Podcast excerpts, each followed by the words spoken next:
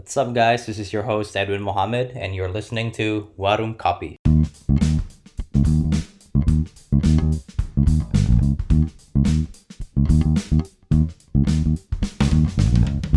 Halo, gua Henry. Saat ini gua bekerja di Link aja sebagai content marketing lead. Halo Hen, akhirnya bisa ketemu lagi nih sama lo. Ini bakal beda sih sama episode gua yang sebelumnya, karena kalau sama lo, this is between old friends. Gua kenal Henry dari zaman dia masih di Traveloka. Dulu kita satu tim bahkan, suka bikin konten buat keperluan marketingnya Traveloka. Terus gue pindah ke Gojek, Henry pindah ke Rumah 123. Dari copywriter jadi content manager di sana. Nah, ini by the way masih dalam lingkup marketing ya? Yes. Dari Rumah 123 lo lanjut ke Link aja, tempat kerja lo sekarang. Betul. Nah, based on pengalaman lo nih, Mm-mm. lo udah pernah kerja di berbagai perusahaan berarti. Betul. Tapi somehow lo selalu konsisten di dunia marketing. Really?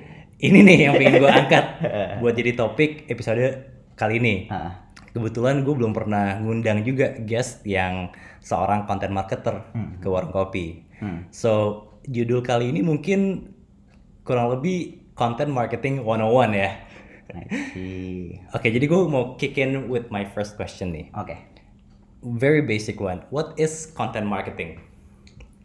Eh, mau gaya berat apa gaya santai aja nih? Gaya gaya luwes lah ya. ya sebenarnya sebenarnya sih content marketing itu adalah let's say ngomong ngomong content marketer itu adalah misalnya kayak sepatu olahraga. Kita bisa ngelihat Nike, Adidas dan segala macam. Mhm. Ketika dibilang sepatu, semua sepatu. Mhm. Tapi yang membuat perbedaan antara brand A dengan brand B dan brand C adalah bagaimana mereka menyampaikan brand story-nya itu. Oke. Motivasinya berarti ya. Iya, ketika misalnya gue kasih contoh Nike ya. Mhm.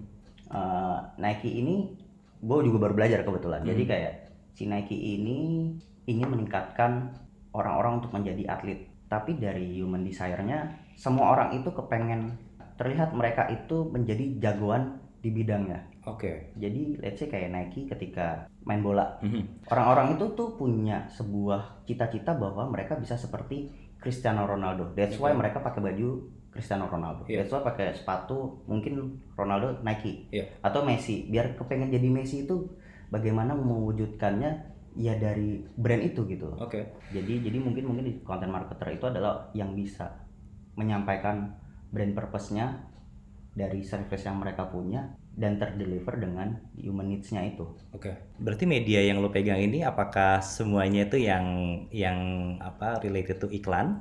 Tadi yang lo bilang ATL atau termasuk di dalam aplikasi juga? Aplikasi link aja. Di dalam aplikasi saat ini belum, Hmm. tapi bagaimana memaksimalin channel-channel yang ada. Mhm. Bagaimana membuat membuat gue sebut brand aja, link aja ini stand out dibandingin kompetitor misalnya. Untuk memberi alasan ke Betul, customer kenapa betul. gue mesti pakai link aja ketimbang kompetitornya. Yes. Oke, let's say gue barusan lulus kuliah nih ya, dan gue udah baca banyak artikel, nonton banyak video tentang berbagai macam brand. Nike dengan Just Do It, terus Volkswagen dengan Think Small. Yes. Gue pengen jadi orang yang yang yang ada in the process of making these uh, brand story Yes, gitu. yes. Gue bisa lewat content marketing. Bisa. Hmm. Menurut gue, gue believe bisa. Karena ya itu dia, content marketing itu bagaimana bagaimana menggambarkan bahwa produk kita tuh benar-benar menjadi PR terbesarnya adalah bagaimana produknya itu menjadi top of mind orang. Oke. Let's say gini, karena gue pernah bekerja di rumah 123, jadi gue coba coba ngomong rumah 123 aja ya. Iya, iya, nggak apa-apa, nggak apa-apa, Biar nggak apa-apa. lebih ini. Jadi intinya Biar adalah banyak referensi juga Betul. nih.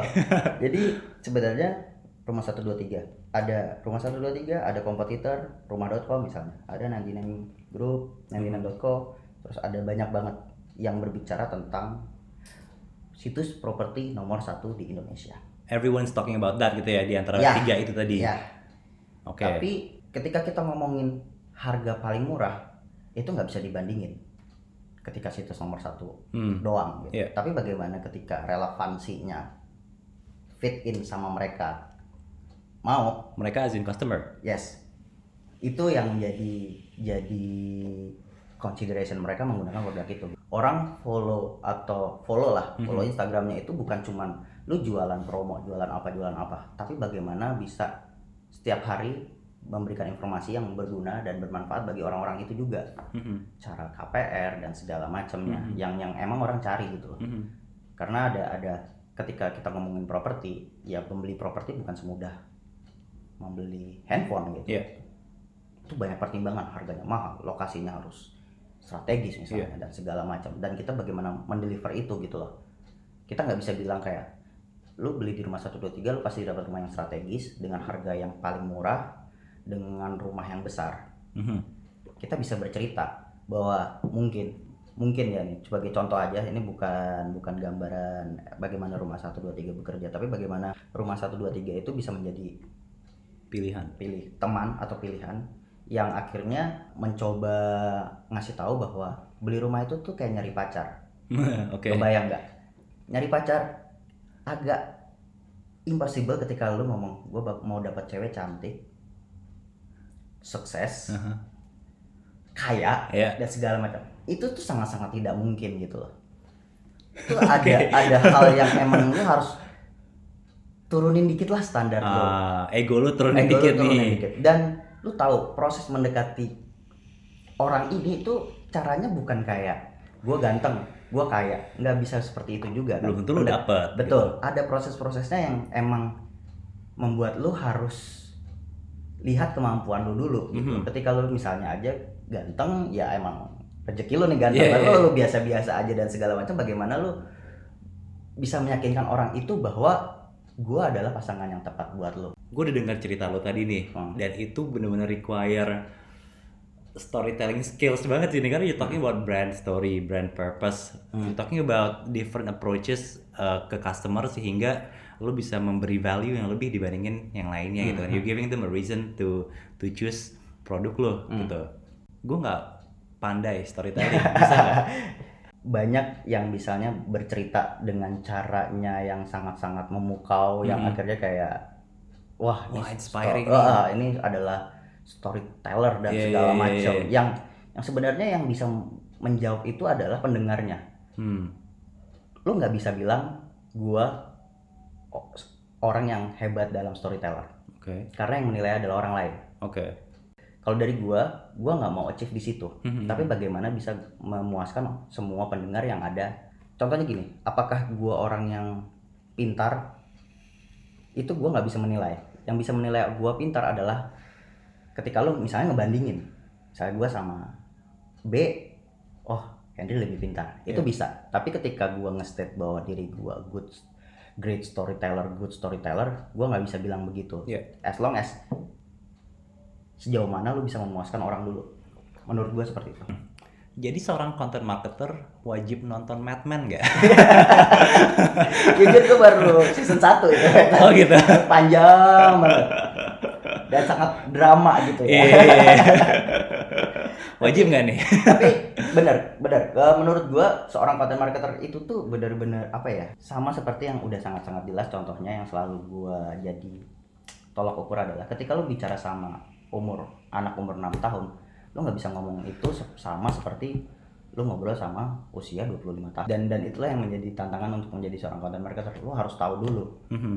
cara berkomunikasi sama mereka gimana. That's why ada beberapa perusahaan yang emang dari cara bahasanya, copywritingnya juga sangat-sangat menyesuaikan dengan orang-orang di luar Berbagai- sana yang iya, gitu ya. yang beda-beda. Betul. Mhm. J- Lu pada di Jogja kan? Pernah. Ketika lu ngomong logo logo tuh ada Enggak sih kesan. kayak apa sih sombong gitu kan. Akhirnya kita jadi kayak orang-orang Jawa juga ya Iya kayak, iya iya. Oh, apa ya bahasa Jawa Jogja yang sering-sering Eh, a- apa nih kayak eh, a- a- apanya apanya kalau mau pena gitu. Oh, pena. Gitu-gitu Eh, kan eh. kayak yang jadi relevan ke Iya, mereka iya. dan itulah jadi content marketer yang akhirnya lu diterima di situ gitu. Harus banyak-banyak menerima karakter, budaya dan segala macam. eh, suatu karakter yang bisa memahami karakter-karakter lain. Iya, Oke. benar. So not a single and firm karakter tuh enggak ya. Iya. Tuh, Tapi apakah lo harus selalu nge-represent karakter perusahaan lo? Nah, itu dia yang ketika kita coba tarik kembali Hmm. ke ke core-nya content marketing itu content, marketing itu bagaimana adalah menjadi, yang menjadi penengah. Ketika lihat ini gelas, gelas ini setengah Mhm. lo bisa ngambil point of view ini gelasnya mau habis airnya mau habis Iya. tapi bisa jadi airnya masih ada Oke. jadi itu tinggal point of view lo yang mana cocok untuk orang yang Surf. lo serve Iya. gitu angle-nya bermacam-macam dan itu yang harus ditajemin sama orang-orang content marketer menurut gua Mhm. Mind blown. Oke oke. Bentar nih. um, nanya something yang lumayan beda ya, tapi masih content marketing related. This is warung kopi, right? Um, dan lu berangkat dari copywriting. hmm. Yang lu pelajarin dari copywriting ini berguna nggak buat role lu sekarang gitu?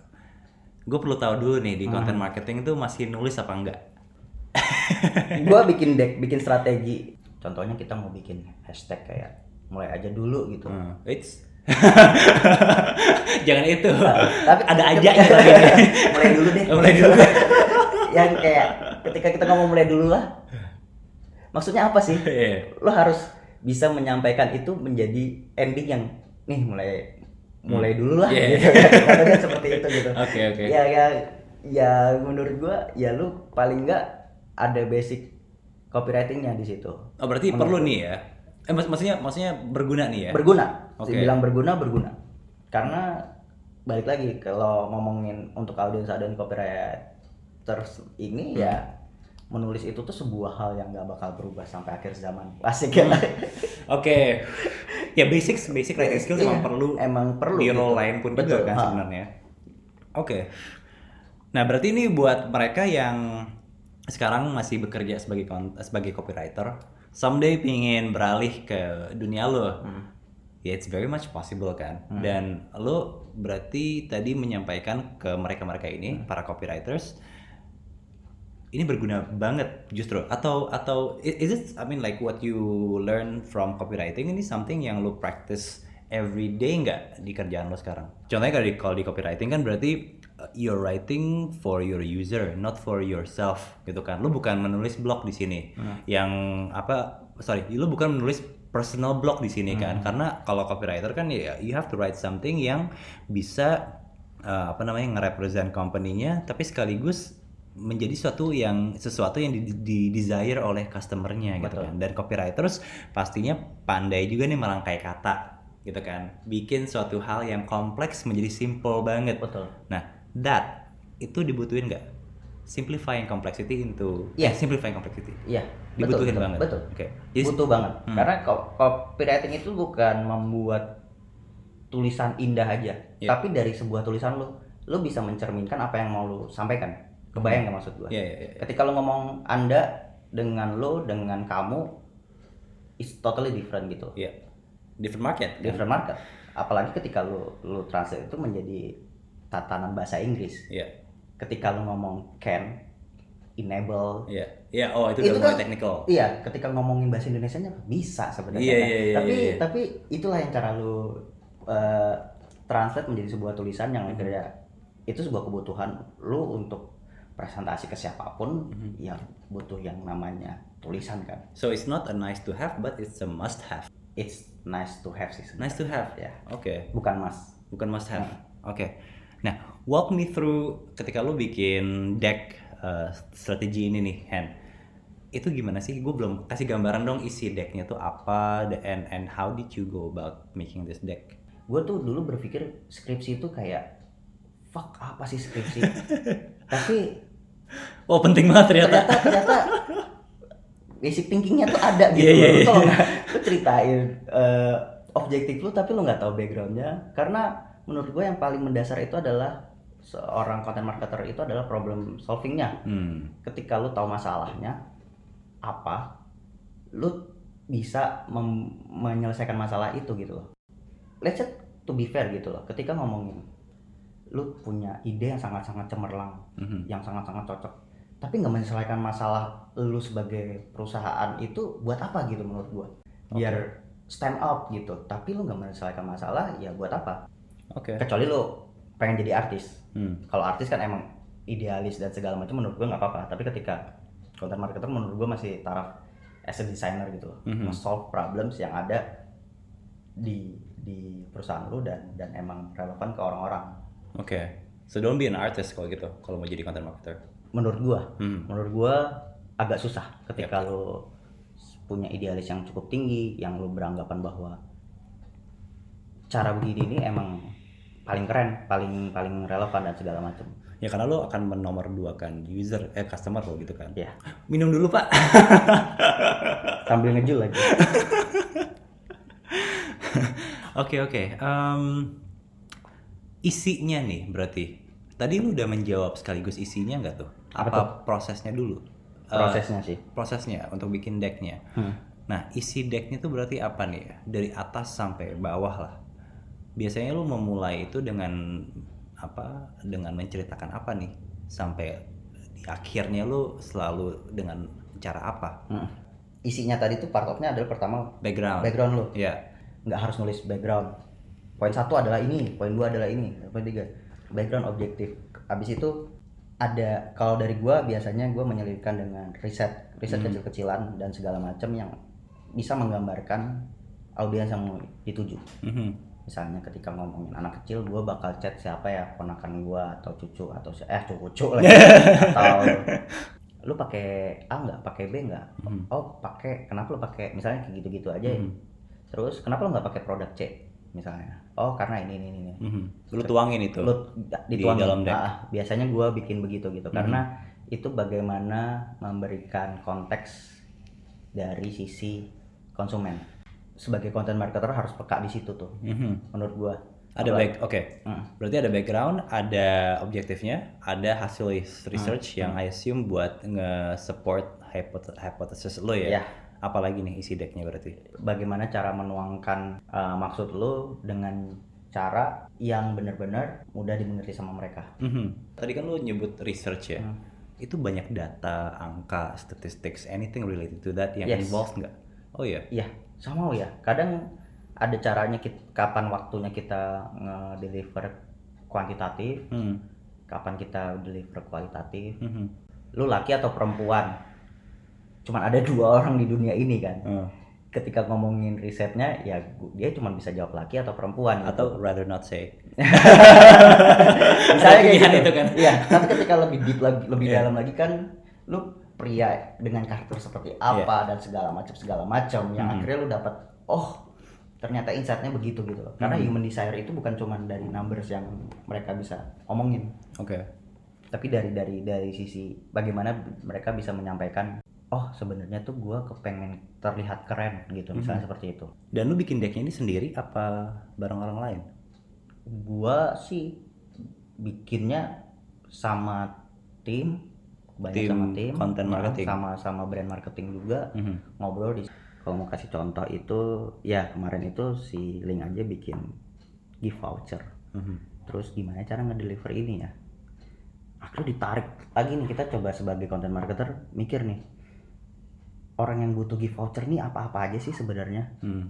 Misalnya aja kemarin itu delivernya adalah uh, baru sadar hari ini ada teman ulang tahun misalnya seperti itu Oh, oke. baru sadar hari ini ada teman ulang Itu tahun bagus sih. Iya, maksudnya kayak emang Iya, lu iya. orang punya sebenarnya nggak pernah terpikirkan tapi oh iya juga ya Iya, kebayang iya, nggak iya, maksudnya Iya. karena gift voucher gitu loh kayak lu hari ini teman ada ulang tahun gue mau beli kado apa ya Iya. segala macam ya atau akhirnya ada story lagi kayak uh, pacar minta sesuatu tapi Nah. ngomongnya terserah misalnya seperti Iya, itu iya. gitu misalnya aja ya itu sebuah hal yang mungkin somehow relevan gitu dan dan iya sih kadang-kadang begitu terserah mau ngapain sih. Nah, ini bisa menjadi opsi untuk lo gitu loh, Mhm. untuk memberikan sesuatu ke orang-orang itu gitu. Misalnya seperti itu. Contoh ya. Iya, iya. Dan itu yang lu barusan bilang itu ada banget copywritingnya nggak sih kalau kayak gitu? Ada. Lu menciptakan sebuah bukan menciptakan ya, tapi lu uh, mencari pain pointsnya orang nih apa gitu Iya. kan? Karena awalnya lu mungkin sekedar dapet info kayak eh kita mau bikin gift voucher and that's it gitu kan. But we're not gonna say that, you're not gonna say that only gitu kan. Terus lu mulai ber- berpikir apa tadi? Oh iya di Indo nih banyak, terutama mungkin cowok gitu kan, suka lupa ulang tahun uh, temen sahabatnya Misalnya, bahkan ah. gitu, atau gebetannya bahkan. Iya. Terlebih kayak, "Leh, lu, lu mau apa nih ulang tahunnya? Terserah deh atau apa?" Terserah tuh kan kayak udah apa ya trending di trending banget gitu kan itu kan copywriting banget gitu loh kan Iya. so Iya. maybe it's, it's not nice to have it's must have iya nggak Nah, balik lagi ketika aduh tadi tuh gua ada ada satu satu jawaban yang menurut gua gimana nih ya, nih gua baru ingat. oke Sadar nggak sih Win kayak copywriting itu tuh it's more than just word by word yang lu bikin. yes setuju banget setuju banget Itu yang perlu perlu perlu perlu eh, kita Dibangun mindsetnya tuh. Iya, ratingnya tuh di situ gitu loh. Lu bukan berarti lu bisa membuat sebuah aku sayang kamu hmm. Copywriter itu tuh pikirannya nariknya jauh iya banget. iya iya Ah, bener banget bener Iya banget enggak sih? Iya enggak. Ketika nah itu dia gua takutnya coba meluruskan juga Iya, iya. mindsetnya seperti apa. Ya itu dia. First thing first gua suka copywriter. Gua basicnya graphic designer gitu loh. ah Yang kadang tuh graphic designer itu dapat brief dari copywriter. Mhm. iya iya iya iya Logically lu jago nulis. Iya iya iya. Ngapain lu ngasih saran buat gua sebagai Iya. di- graphic designer? Secara kasar gitu. iya iya iya. Tapi sama oh ternyata tuh dia mau bikin kayak gini. iya. That's why kayak gue kayak wah copywriter itu sangat-sangat gede. Apa? Ya, scope of thinkingnya Scope of gede thinkingnya gitu. gede. nggak cuman word by word tadi kan? Betul. Ketika lu ngomongin copywriter itu bagaimana lu membuat sebuah copy yang concise dengan tagline dan segala macam dan itu bisa ke deliver dari message yang lu buat story yang lu buat itu kan aduh gue yakin back endnya ribet tuh. Betul. Back kebayang end nggak maksud gua? Gitu Iya. loh kayak kayak writing itu tuh sebuah hal yang kayak anak TK bisa nulis hmm. dan segala macam tapi bagaimana mereka enhance komunikasi yang mereka sampaikan Hmm, melalui iya, word by iya. word itu yang menjadi sangat-sangat powerful menurut Iya, iya. gua. Di situlah di situlah eh, coba gua lurusin bahwa ya itu ketika menjadi ketika ngomongin secara thinkingnya copywriter tuh harus. Gue mulai nangkep nih. Hmm. berarti tadi lu bilang copywriting itu nice to have. Well this actually depends on how you define copywriting at first gitu betul kan. betul. Nice to have ya kalau emang lu ngedefine copywriting ini ya writing only writing only Iya. betul tapi by thinking by thinking itu harus must have Ah, Oke, that's one thing yang pengen gue highlight juga nih di podcast ini. Berarti buat mereka nih yang yang yang masih melihat copywriting itu tukang kopi doang, itu salah ya, itu Iya. salah besar. Ah. And I'm addressing this to stakeholders nih ya, terutama. Berarti mereka atau di Indo kan di banyak perusahaan masih melihatnya kayak gitu. Oh, you're a copywriter, ya udah berarti ketika produknya semua udah selesai, ketika semua strateginya udah selesai, baru deh gue butuh bantuan lo gitu. Padahal kan sebenarnya during the process, yes thinkingnya, thinking process ini lo bisa, mereka bisa di-include juga Betul. gitu, because they have that skill gitu Yes. kan.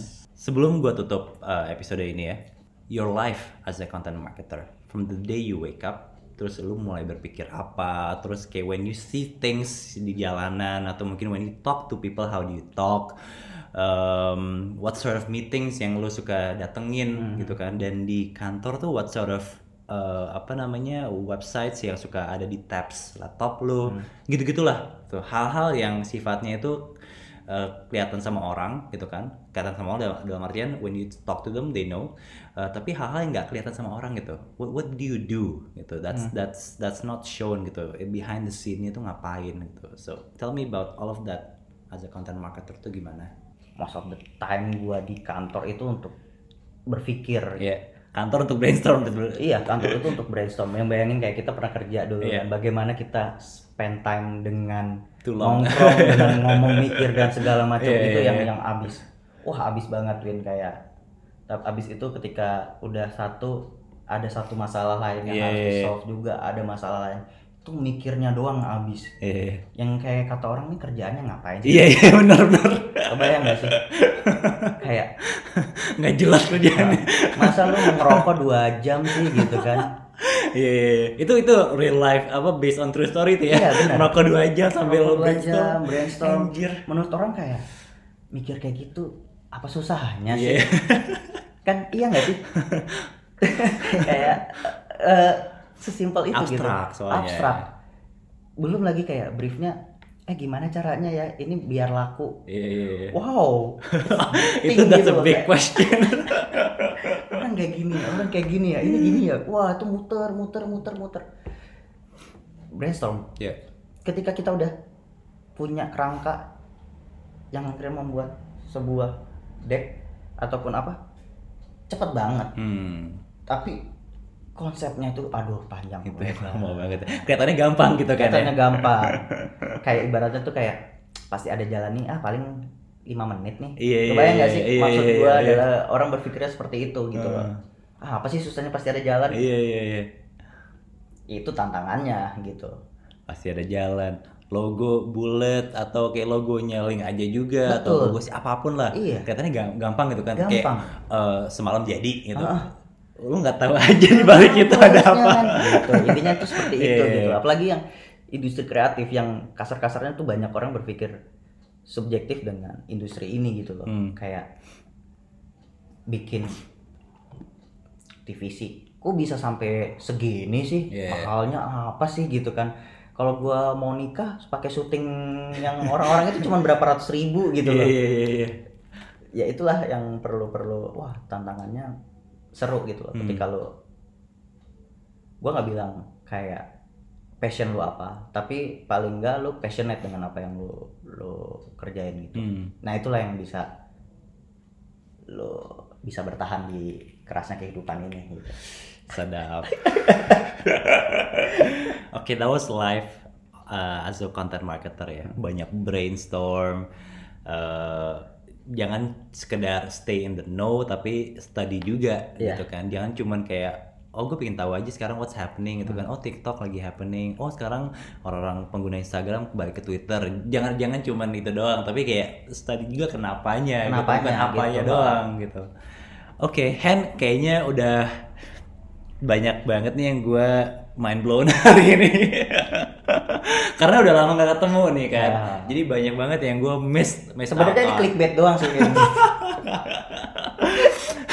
Oke deh berhubung udah udah satu jam lewat jadi eh, apa namanya ya we'll talk more lah dan mereka yang pengen tahu lebih tentang content marketing juga bisa reach out ke lo lewat LinkedIn paling kok kayak gitu kan atau lewat Instagram juga bisa gitu. Tapi Instagram kayak mau tanya tentang sepeda baru Instagram ya.